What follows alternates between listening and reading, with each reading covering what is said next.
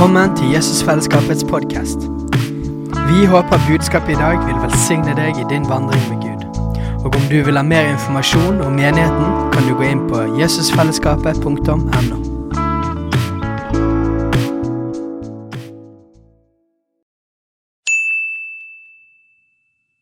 Hei! Visste du at Jesusfellesskapet starter en ny bibelskole til høsten? Den heter Jesusskolen og starter den 3. september. Gå inn på jesusskolen.no for mer informasjon. Og så er jeg veldig glad i Jesus og skal snakke litt om han i dag. Men først skal jeg fortelle dere en historie. Da jeg var ni år, så var vi eh, i Sverige på familietur. Vi hadde kjørt i mange, mange timer. Og så hadde, hadde pappa funnet en eh, rasteplass der vi kunne stoppe. Så det var nydelig vær, sol. Eh, vi gikk ut. Pappa la seg på gresset for å få seg en hvil. Han hadde kjørt så lenge. Husker Mamma begynte å lage til lunsj på, på en sånn benk der. Og så jeg og mine søsken vi er en søskenflokk på fire. Vi eh, fant et lekestativ litt lenger borte. der vi skulle gå bort og leke. Så var det jeg, og så var det min storebror, og min lillebror og min lillesøster. Så vi gikk bort til det lekestativet. Og Der var det en sånn, blant annet en sånn stang da, som gikk rett over sånn på tvers, som man kunne henge i. Så min eh, lillebror Håkon, som også går her i menigheten, han, eh, han ville opp der og henge i det, det lekestativet. Og så ville han at eh, jeg skulle gi han litt fart, da, så han kunne svinge frem og tilbake. Og det var jo gøy. Så jeg ga han fart, og så ga han litt mer fart. Og så syntes han det var gøy, og så ga han litt mer fart. Og så syntes han ikke det var så gøy, og så ga han mer fart, og så sa han at jeg skulle stoppe. Og så ga han enda mer fart. Eh, og, han, eh, han, han ville ikke det, men jeg fortsatte å gi han fart.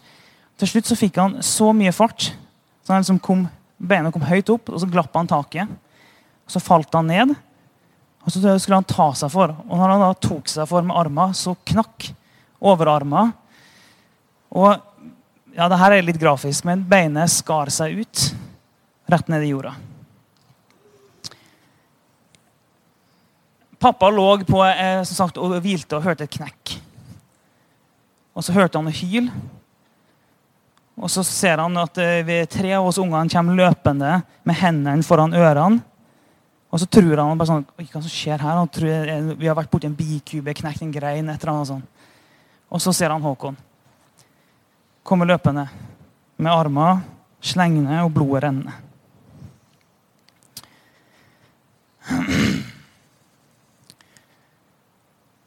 Pappa tar da Håkon, får lagt han stabilt. Han finner en stein som han bruker å presse oppi her for å få stoppa blødningene. Pappa hadde vært i saniteten i Forsvaret, så han hadde lært seg hvordan han skulle håndtere sånne ting. Så han klarer å stoppe blødningene. Og, og så må han bare holde Håkon stabilt. Og Vi får tak i etter hvert eh, eh, en ambulanse som kommer. Det tok lang tid før den kom. Når de kom, så eh, eh, mente de at det her var for alvorlig, så de turte ikke å ta han med seg. Så de ringte etter, helikopter. Og helikopteret kom. Jeg husker fortsatt hvordan det landa midt på veien og stoppa all trafikk. Så tok de med seg da, pappa og Håkon til sykehuset. Og så kom vi andre etter eh, dit. Og de, de opererte han. Og eh, han overlevde, det vet dere jo. Han går jo her. Så, så det, det er ingen spenning i historien sånn sett. Men eh, i dag Han, han overlevde. Og, eh, men han mista så mye blod da, at han satt i rullestol i flere dager, for han var helt, helt ute. En seksåring som eh, mister masse masse blod. sant? Han hadde jo blødd i hjel på et blunk hvis ikke pappa hadde klart å stoppe blødningene.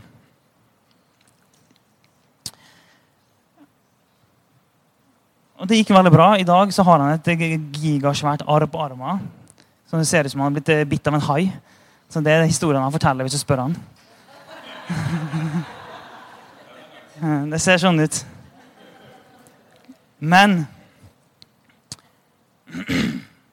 jeg har, jeg har ofte tenkt Og fortsatt en dag i dag så begynner jeg jevnlig å grine når jeg tenker på den historien. der, For jeg har ofte tenkt på Hvis pappa ikke kunne førstehjelp Hvis han ikke hadde respondert sånn som han gjorde i det øyeblikket,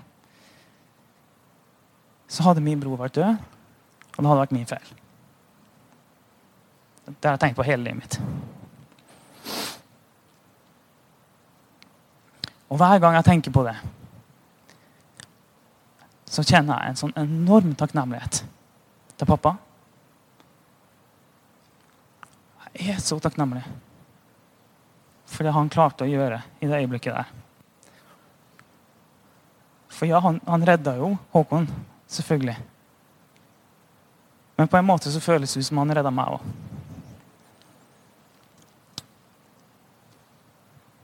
Så den dagen så redda ikke pappa bare én, men han redda to.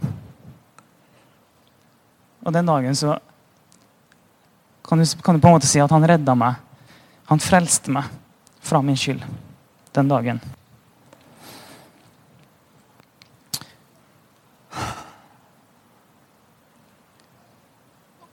Og sånn fortsatt, Det er 24 år siden.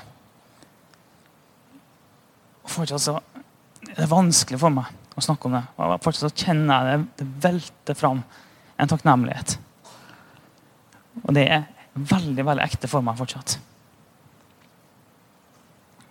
Alt gikk bra, men likevel så har det grepet meg for livet. Og jeg har også tenkt på det da, med at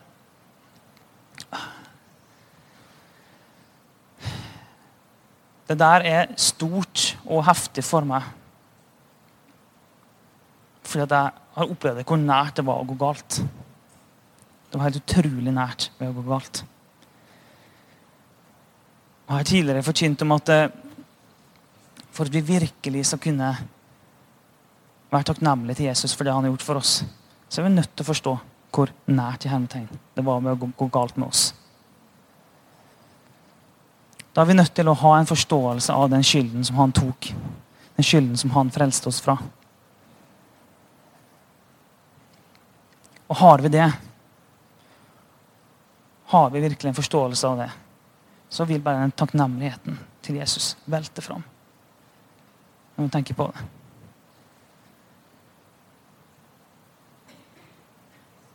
Og Jeg lengter sjøl etter at det skal bli så klart og tydelig for meg. At bare ved å tenke på det, så går, jeg bryter jeg ut i tilbedelse. Jeg er ikke helt der ennå. Det kan ikke jeg si. Det ligger Historien med pappa og Håkon det ligger mer latent for meg fortsatt. Når jeg tenker på det, så begynner jeg å grine. Men jeg lengter etter at det skal være sånn tenker jeg på Jesus, og begynner å grine. Det lengter jeg etter. Jeg lengter etter at det skal være sånn, det skal være så ekte for meg, det han har gjort for meg. Når jeg tenker på det, så begynner jeg å grine. Og så begynner jeg å takke. Det lengter jeg etter. Og I dag kan du bli med meg til Johannes 10.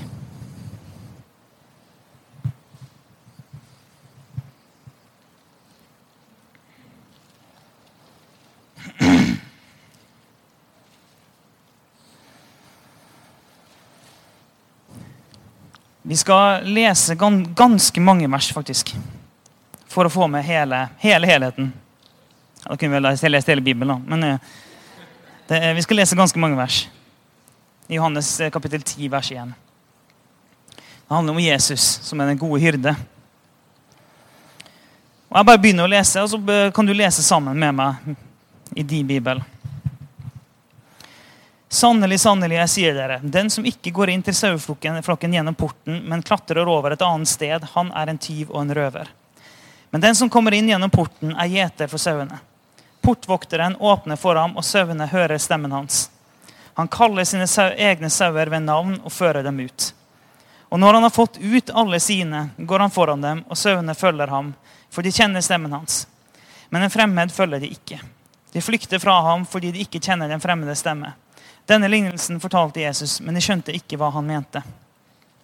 Da sa Jesus, sannelig, sannelig, jeg sier dere, jeg er porten inn til sauene. Alle de som er kommet før meg, er tyver og røvere, men sauene har ikke hørt på dem. Jeg er porten. Den som går inn gjennom meg, skal bli frelst og fritt gå inn og ut og finne beite. Tyven kommer bare for å stjele, drepe og ødelegge. Jeg er kommet for at dere skal ha liv og overflod. Jeg er den gode gjeteren. Den gode gjeteren gir livet sitt for sauene.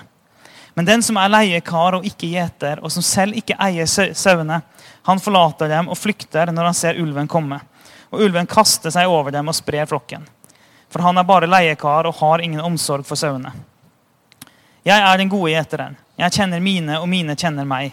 Slik som far kjenner meg, og jeg kjenner far. Jeg gir livet mitt for sauene. Jeg har også andre sauer som ikke hører til denne flokken. Også dem må jeg lede. De skal høre min stemme, og det skal bli én flokk og én gjeter. Far elsker meg fordi jeg gir livet mitt for siden å ta det tilbake.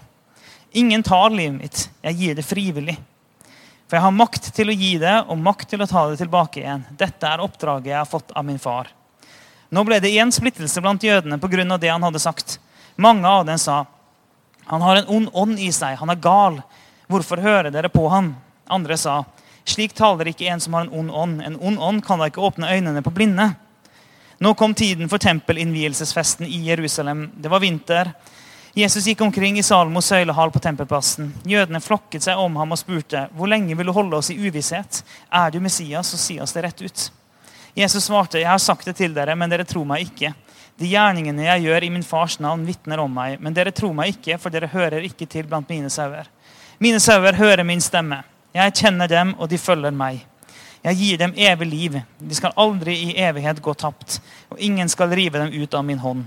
Det min far har gitt meg, er større enn alt annet, og ingen kan rive det ut av min fars hånd. Jeg og far er ett. 30 vers der, som vi måtte lese. Det blir mer seinere òg.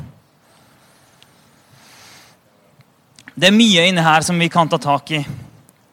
Aller først vil jeg bare gi dere litt kontekst. Og, så er ikke, vi er jo ikke like vant med gjetere, hyrder, eh, sauesanking osv. Sånn som de var på den tida der. Men det var jo en eh, veldig innvevd del av samfunnet. Det er med å ha sauer og gjetere. Og når, når, han, når han sier det at, eh, at jeg, jeg har mine sauer, jeg kaller dem med navn, så er det faktisk en greie som en gjorde da, og som en fortsatt gjør i dag.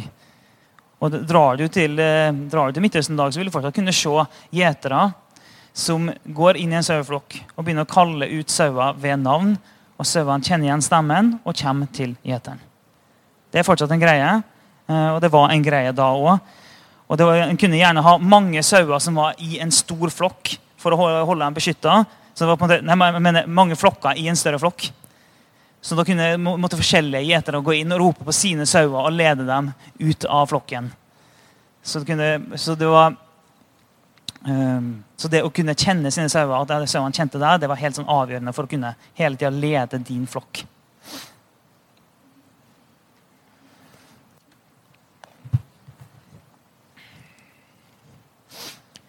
Og så sier jo da Jesus han sier at han er porten. Han er portvokteren. Og han eh, Skal vi se her Hva var det jeg tenkte på? Det var, det var i vers 11. Når han sier at 'jeg er den gode gjeteren'. Den gode gjeteren gir livet sitt for sønnen. Men den som er leiekar og ikke gjeter, han som selv ikke eier sauene, han forlater dem og flykter. Så Jesus sier at eh, ok, jeg er en god gjeter, mine sauer. Ok, Den som, den som er leiekar, den som eh, eh, gjør det andre, med annen motivasjon, for penger osv., den stikker når ting blir vanskelig. Men her er mine sauer. Det er mine sauer, sier han. Og mine sauer. Jeg gir mitt liv for mine sauer. Jeg passer på mine sauer. Når ting blir vanskelig, så stikker jeg ikke. Jeg er ikke som en som stikker. For min motivasjon ligger ikke i det jeg kan få for deg. Min motivasjon ligger i min kjærlighet for mine sauer. Så jeg blir, og jeg leder, og jeg beskytter.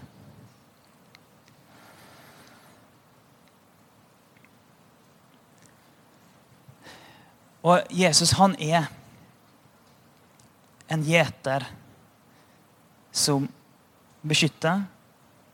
Og ja, han er, eh, han er vår Herre, han er Gud, han er frelser, og han er beskytter. Men han er òg en som leder. Han er en av de som leder oss til hvilens vann, som det står i samme 23.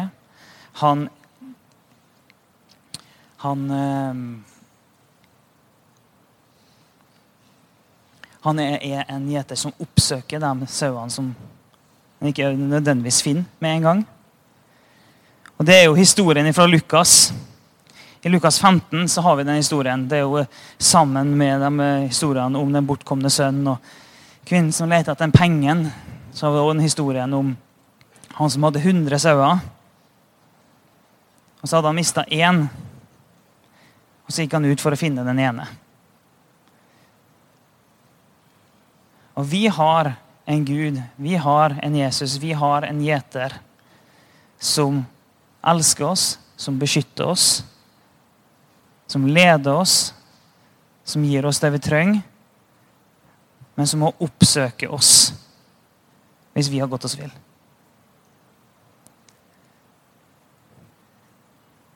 Hvis vi har gått oss vill, så vil han fortsatt oppsøke oss. På samme måte som når en sau har kommet seg vekk fra flokken, satt seg fast i en eller annen fjellskrent, et eller annet. Jeg tenker alltid på en fjellskrent, for i en barnebibel jeg hadde da jeg vokste opp, eh, i akkurat med den historien der, så var det det som var bildet. Det var en sau som hadde kommet seg på sånn fjellskrent sted der den ikke kom seg vekk. Og så, sånn som jeg husker bildet, i alle fall, så liksom, strekte gjeteren seg ned for å liksom, få den sauen opp eh, derfra. Det er iallfall det bildet jeg har om hodet mitt fra barnebibelen. Eh, så jeg tenker alltid det. Men vi har en gjeter. Vi har en som oppsøker oss, som, som går etter oss.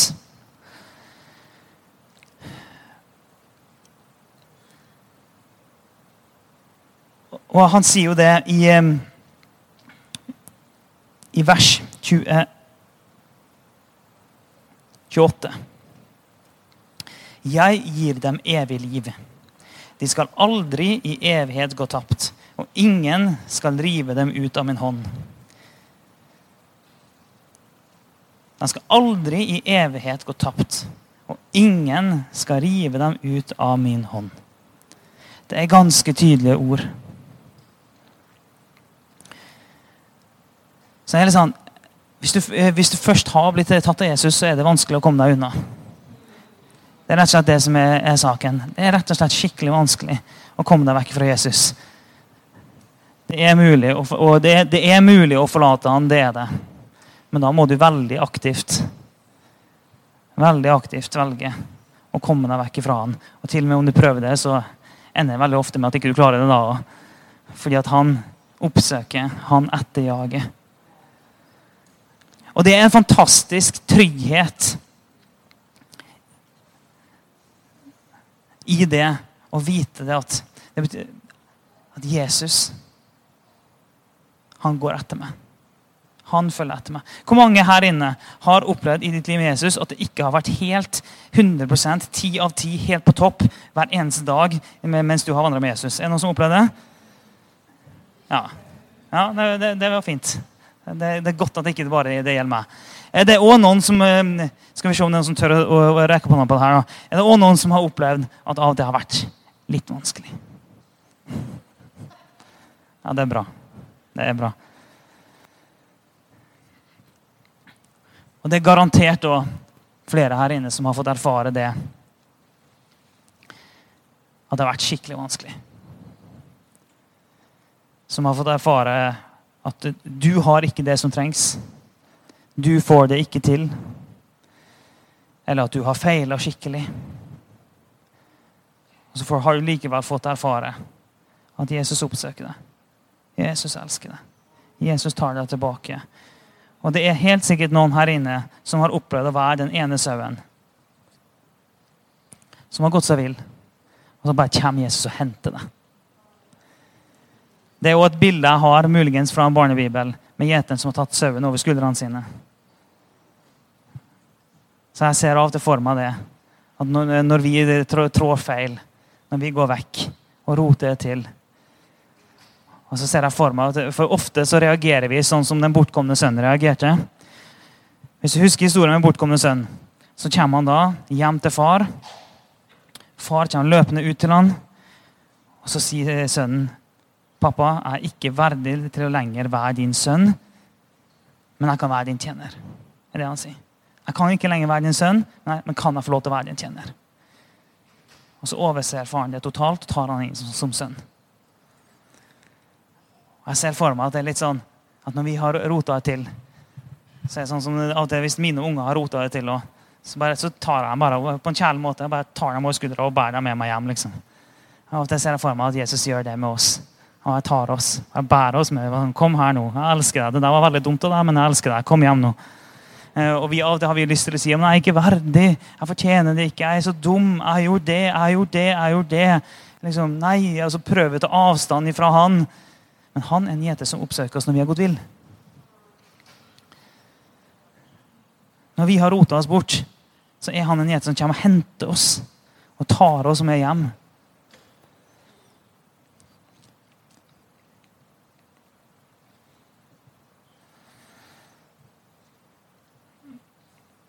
Jeg har lyst til å ta dere med til et sted i Det gamle testamentet. Til et sted du sannsynligvis har lest veldig lite. Kanskje har du aldri lest dit vi går nå. Vi skal til Esekiel 34. Og kan, kanskje har du lest det, men du husker ingenting av det. Og Det er jo dessverre av og til sånn med visse steder langt inn i Gamle testamentet at vi, det er ikke sånn at vi husker alt der utenat. Men bli med meg til Esekiel 34. Vi skal lese en del vers her. For det er, handler om Gud som gjeter.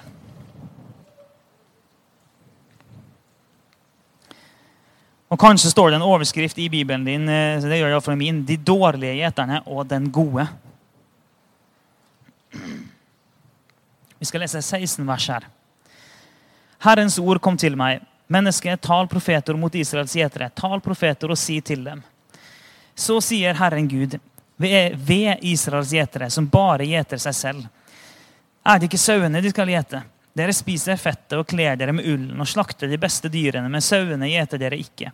Ikke har dere styrke til svake, ikke helbrede til syke, ikke forbundet til skadde, ikke hente tilbake de fordrevne, ikke lette etter de bortkomne, men med makt har dere hersket over dem og med tvang. Sauene ble spredt, de hadde ingen gjeter. De ble til føde for alle slags villdyr, de ble spredt. Altså, sauene mine. Og her så begynner vi å ane en kjærlighet med en gang. Sauene mine. Sauene mine gikk seg vill på alle fjell og hauger. De ble spredt utover hele jorden. Ingen spør etter dem, og ingen leter. Derfor, gjetere, hør Herrens ord, så sant jeg lever, sier Herren Gud. Sannelig, sauene mine er blitt til bytte og til føde for alle slags villdyr, for de har ingen gjeter. Gjeterne mine spurte ikke etter sauene, de gjetter seg selv, ikke sauene mine. Derfor, gjetere, hør Herrens ord, så sier Herren Gud, så jeg kommer mot gjeterne og krever dem til regnskap for sauene mine. Jeg avsetter dem som sauegjetere, og de skal ikke lenger få gjete seg selv.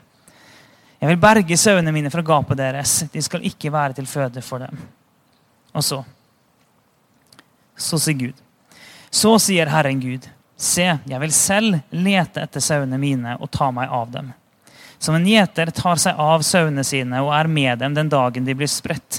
Slik vil jeg ta meg av sauene mine og berge dem fra alle de stedene de kom til da de ble spredt, og på den mørke og skytunge dagen. Jeg vil føre dem ut fra folkene, samle dem fra landene og føre dem inn i deres eget land. Så skal jeg gjete dem på fjellene i Israel, i dalene og overalt hvor de bor i landet.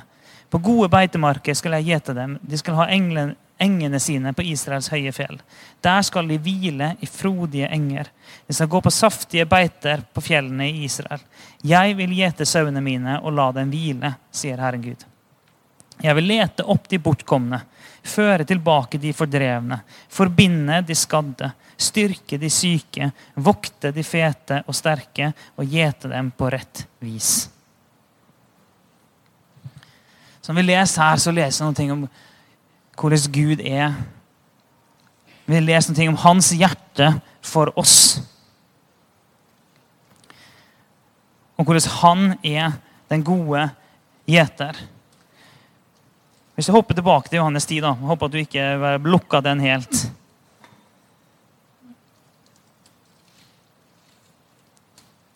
Fordi i Johannes 10 så sier jo Jesus der på den siste versen som jeg, som jeg las så sier han at eh, i vers 30 Jeg og far er ett. sier han. Jeg og far er ett. Og vi vet jo det, at når vi leser om Jesus I Jesus så ser vi jo hvem Gud er. For Jesus er et bilde på hvem Gud er. Og Poenget mitt er at gjennom Det gamle testamentet, gjennom Det nye testamentet, om du ser på Gud, om du ser på Jesus, så ser du fortsatt den gode hyrde.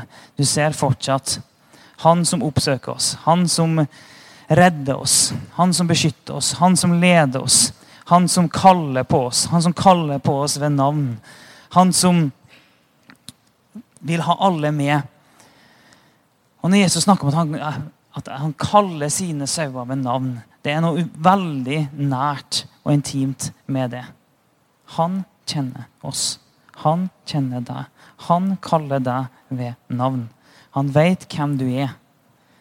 På samme måte som når en gjeter går inn i en flokk, så er det masse masse sauer der, men han vet hvem som er sine. Og Jesus vet hvem som er sine. Han vet hvem han har. Og han kaller. Han kaller på, på alle dem som er sine, men han kaller på alle. Og i Lukas 15 Vi kan hoppe dit. Bli med meg til Lukas 15. Fordi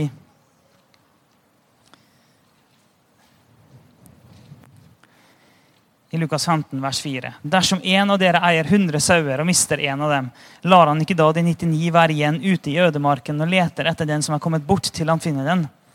Og når han har funnet den, blir han glad og legger den på skuldrene sine. Straks han kommer hjem, kaller han sammen venner og naboer og sier til dem.: Gled dere med meg, for jeg har funnet igjen den sauen som har kommet bort. Jeg sier dere, på samme måte blir det større glede i himmelen over én synder som vender om, enn over 99 rettferdige som ikke trenger omvendelse. Så ja, han er en gjeter som passer på de sauene som han har, og han går ut for å få tak i alle. Og den ene det står om her, det er alle den som er der ute alle dem som ikke kjenner han. Og han går ut og vil ha dem hjem. Alle som ikke kjenner han, vil han ha hjem. Og som han sier, det blir større glede over én synder som vender om.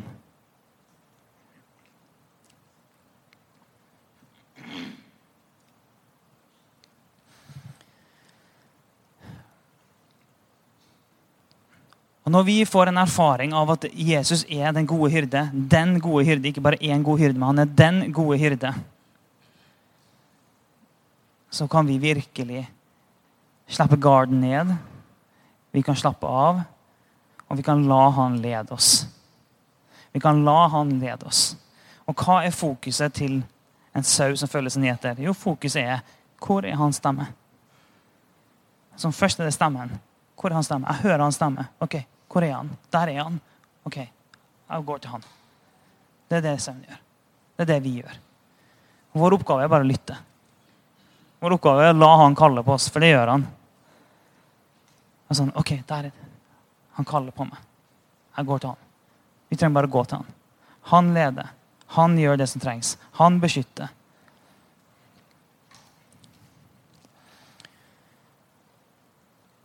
Og Jeg har tenkt mye på um, spesielt i en periode av mitt liv hvor jeg syntes det var veldig vanskelig med Jesus. Jeg innrømmer at jeg har hatt en sånn periode i mitt liv. Jeg gjør det. Selv om jeg vokste opp som pastorsønn og vært på møter hele livet og hørt pappa forkynne alle mulige ting, gode ting, så innrømmer jeg at jeg spesielt i en periode i livet syntes det med Jesus var vanskelig. Og jeg kjente veldig på at jeg ikke orka å prestere og få til kristenlivet. Jeg kjente veldig på at hvis det er sånn det skal være, så gidder jeg ikke. Hvis det er sånn det skal være, så orker jeg ikke. Da er det bedre å bare leve livet sånn som jeg orker å leve det. Så får jeg heller komme tilbake til han på slutten. For jeg, jeg, jeg visste jo hva som var rett, så jeg hadde ikke lyst til liksom å gå helt vekk. Sånn, eh, kom inn på slutten. Det følte jeg veldig på.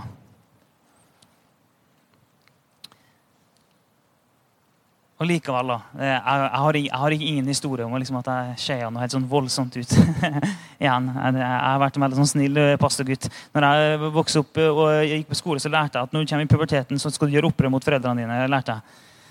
Så jeg gikk jeg og kom i puberteten og lurte på når det opprøret skulle komme. Eh, Så jeg gikk rundt da, og for hvert år gjennom tenårene så lurte jeg på liksom, når skal det opprøret komme. Det kom aldri noe opprør. Eh, Så, det, så da, vet dere, det, sånn var jeg. Det er men, eh, så jeg har ingen, ingen vitnesbyrd om at jeg liksom forsvant langt ut i et eller annet. Men jeg syntes det var vanskelig med Jesus. det gjorde. Og så fikk jeg likevel erfare at uten at jeg gjorde noe, så oppsøkte han meg. Uten at jeg ba noe ekstra eller fikk til noe ekstra, så oppsøkte han meg. Jeg var, jeg var ikke en sau som hadde kommet helt bort. liksom. Jeg var en sau som hadde gått litt vekk. Jeg var litt usikker på om jeg hadde lyst til å følge hans, og gå den retningen der jeg hørte hans stemme var. Og så var det som at han istedenfor bare kom da, bort til meg og tok meg.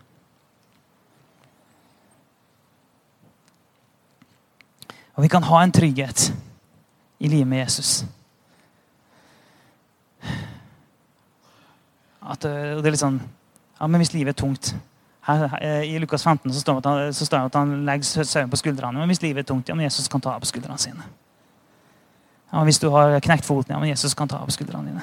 Ja, Hvis ikke du vet veien, ja, men han vet veien. Ja, Hvis du er veldig tørst, ja, men han leder deg til hvilens vann. Ja, men Hvis du er redd, ja, men han beskytter. Ja, men Hvis det er fare på ferde, ja, men han er enda farligere. Ja, men, sant? Og sånn kan vi fortsette. Men Jesus er faktisk den gode hyrden.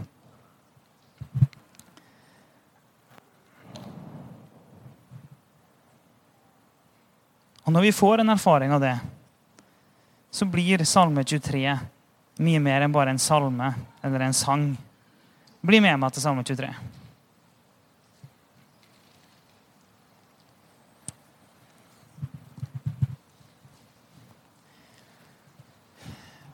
Og det er sånn i kristenlivet at uh, livet kan ikke baseres på erfaring, men vi er helt avhengig av å erfare og bli kjent med hvem man er likevel. Altså, uh, Guds ord er sannhet uavhengig av hva vi erfarer. Han er fortsatt god om ikke vi erfarer at han er god. Sånn at det som er sant her, er, er sant selv om vi ikke føler at det er sant osv. Det er helt riktig, men samtidig så trenger vi erfaring. Og Jeg har ofte brukt det bildet. Jeg har en giftering på fingeren min. Um, og Det kan være fint, og jeg kan være lojal til det løftet til jeg dør. Jeg kan det. Og jeg kan, og sånn, men det er klart at det kan ikke måle seg med det å faktisk bli kjent med min kjære kone. Så Alle skjønner den biten her, egentlig. Så, men vi trenger en erfaring. På samme måte som vi trenger en erfaring av Jesus, av evangeliet, av hva han har frelst oss ifra og hva han har frelst oss til. Da trenger vi jo en erfaring av at han er faktisk den gode hyrde som leder oss. Sånn at vi kan si det som står her. Herren er min hyrde. Jeg mangler ingenting.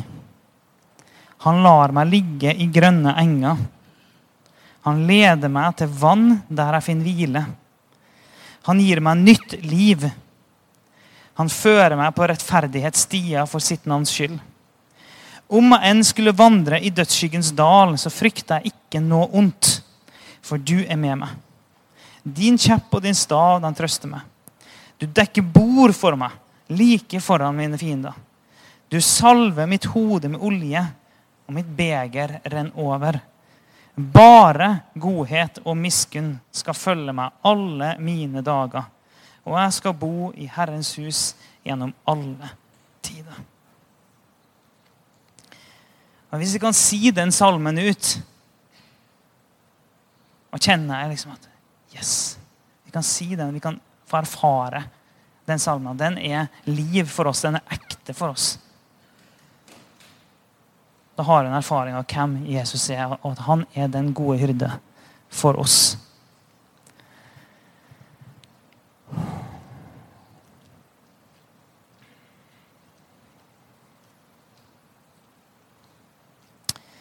Jesus, jeg ber om at du skal lede oss i dag. Hver og en av oss. Jeg ber om at du skal kalle på oss og lede oss Jeg ber om at, du, at vi som allerede kjenner deg, at vi skal oppleve at det er godt å fortsette å følge deg, at du er den gode hyrde. Jeg ber for dem, jeg ber for våre, våre venner og våre familier som ikke kjenner deg, at du skal kalle på dem. Jeg ber at de òg skal få erfare at du kaller. At du går ut og du finner dem. At du går ut og du bærer dem med deg hjem. Og vi har lyst til å juble, Jesus, sånn som det sto. Jeg har lyst til å juble over én omvendt synder som kommer hjem. Og jeg har lyst til å juble. Så dra folk inn. Jeg bare kjente på det når jeg ba noen. At det, det, det ligger noen ting der. Jeg, kan, du, kan, du, tenke på en person, om det er i familien, om det er i nabolaget, om det er på jobben eller skolen, om det er venn eller familie eh, Vi har alle én. Kan du tenke på én person akkurat nå? Én person akkurat nå som Jesus kaller på. Og jeg tror vi alle sammen har en person i livet som Jesus kaller på. Og opplever det nå. Jesus kaller. Så la oss be for dem, dem som vi, vi kjenner på. Jesus bør å kalle. Kall dem inn. Dra dem inn. Dra dem inn, de folkene som er i vår omkrets, som ennå ikke har møtt deg, som ennå ikke har fått en erfaring av at du er den gode hyrde, som ennå ikke har fått erfaring av hvem du er, av hva du har gjort for oss, av hvor høyt du elsker oss. Kall inn våre venner, våre familier, våre kollegaer, våre naboer. Kall dem inn, Gud. Vis oss hvordan vi skal gå fram. Hvordan vi skal gå fram for å, for å nå ut. Vis oss hva vi skal si, vis oss hva vi skal gjøre, vis oss hvem vi skal gå til Jesus. Så kall inn, kall inn. For du er den gode hyrde. Du er god. Ja, Jesus. Hei, alle sammen. Det er Katrine og Steinar Lofnes her. Vi er hovedledere for Jesusfellesskapet. Så kjekt du har lyttet til denne podkasten. Har du forresten hørt noen av de andre podkastene våre? Ukens tale, Disippelskolen, Hyrdepodden, Kulturkrigen og Mammas hjerte. Du finner disse podkastene på Spotify, Apple Podkaster og på nettsiden vår jesusfellesskapet.no.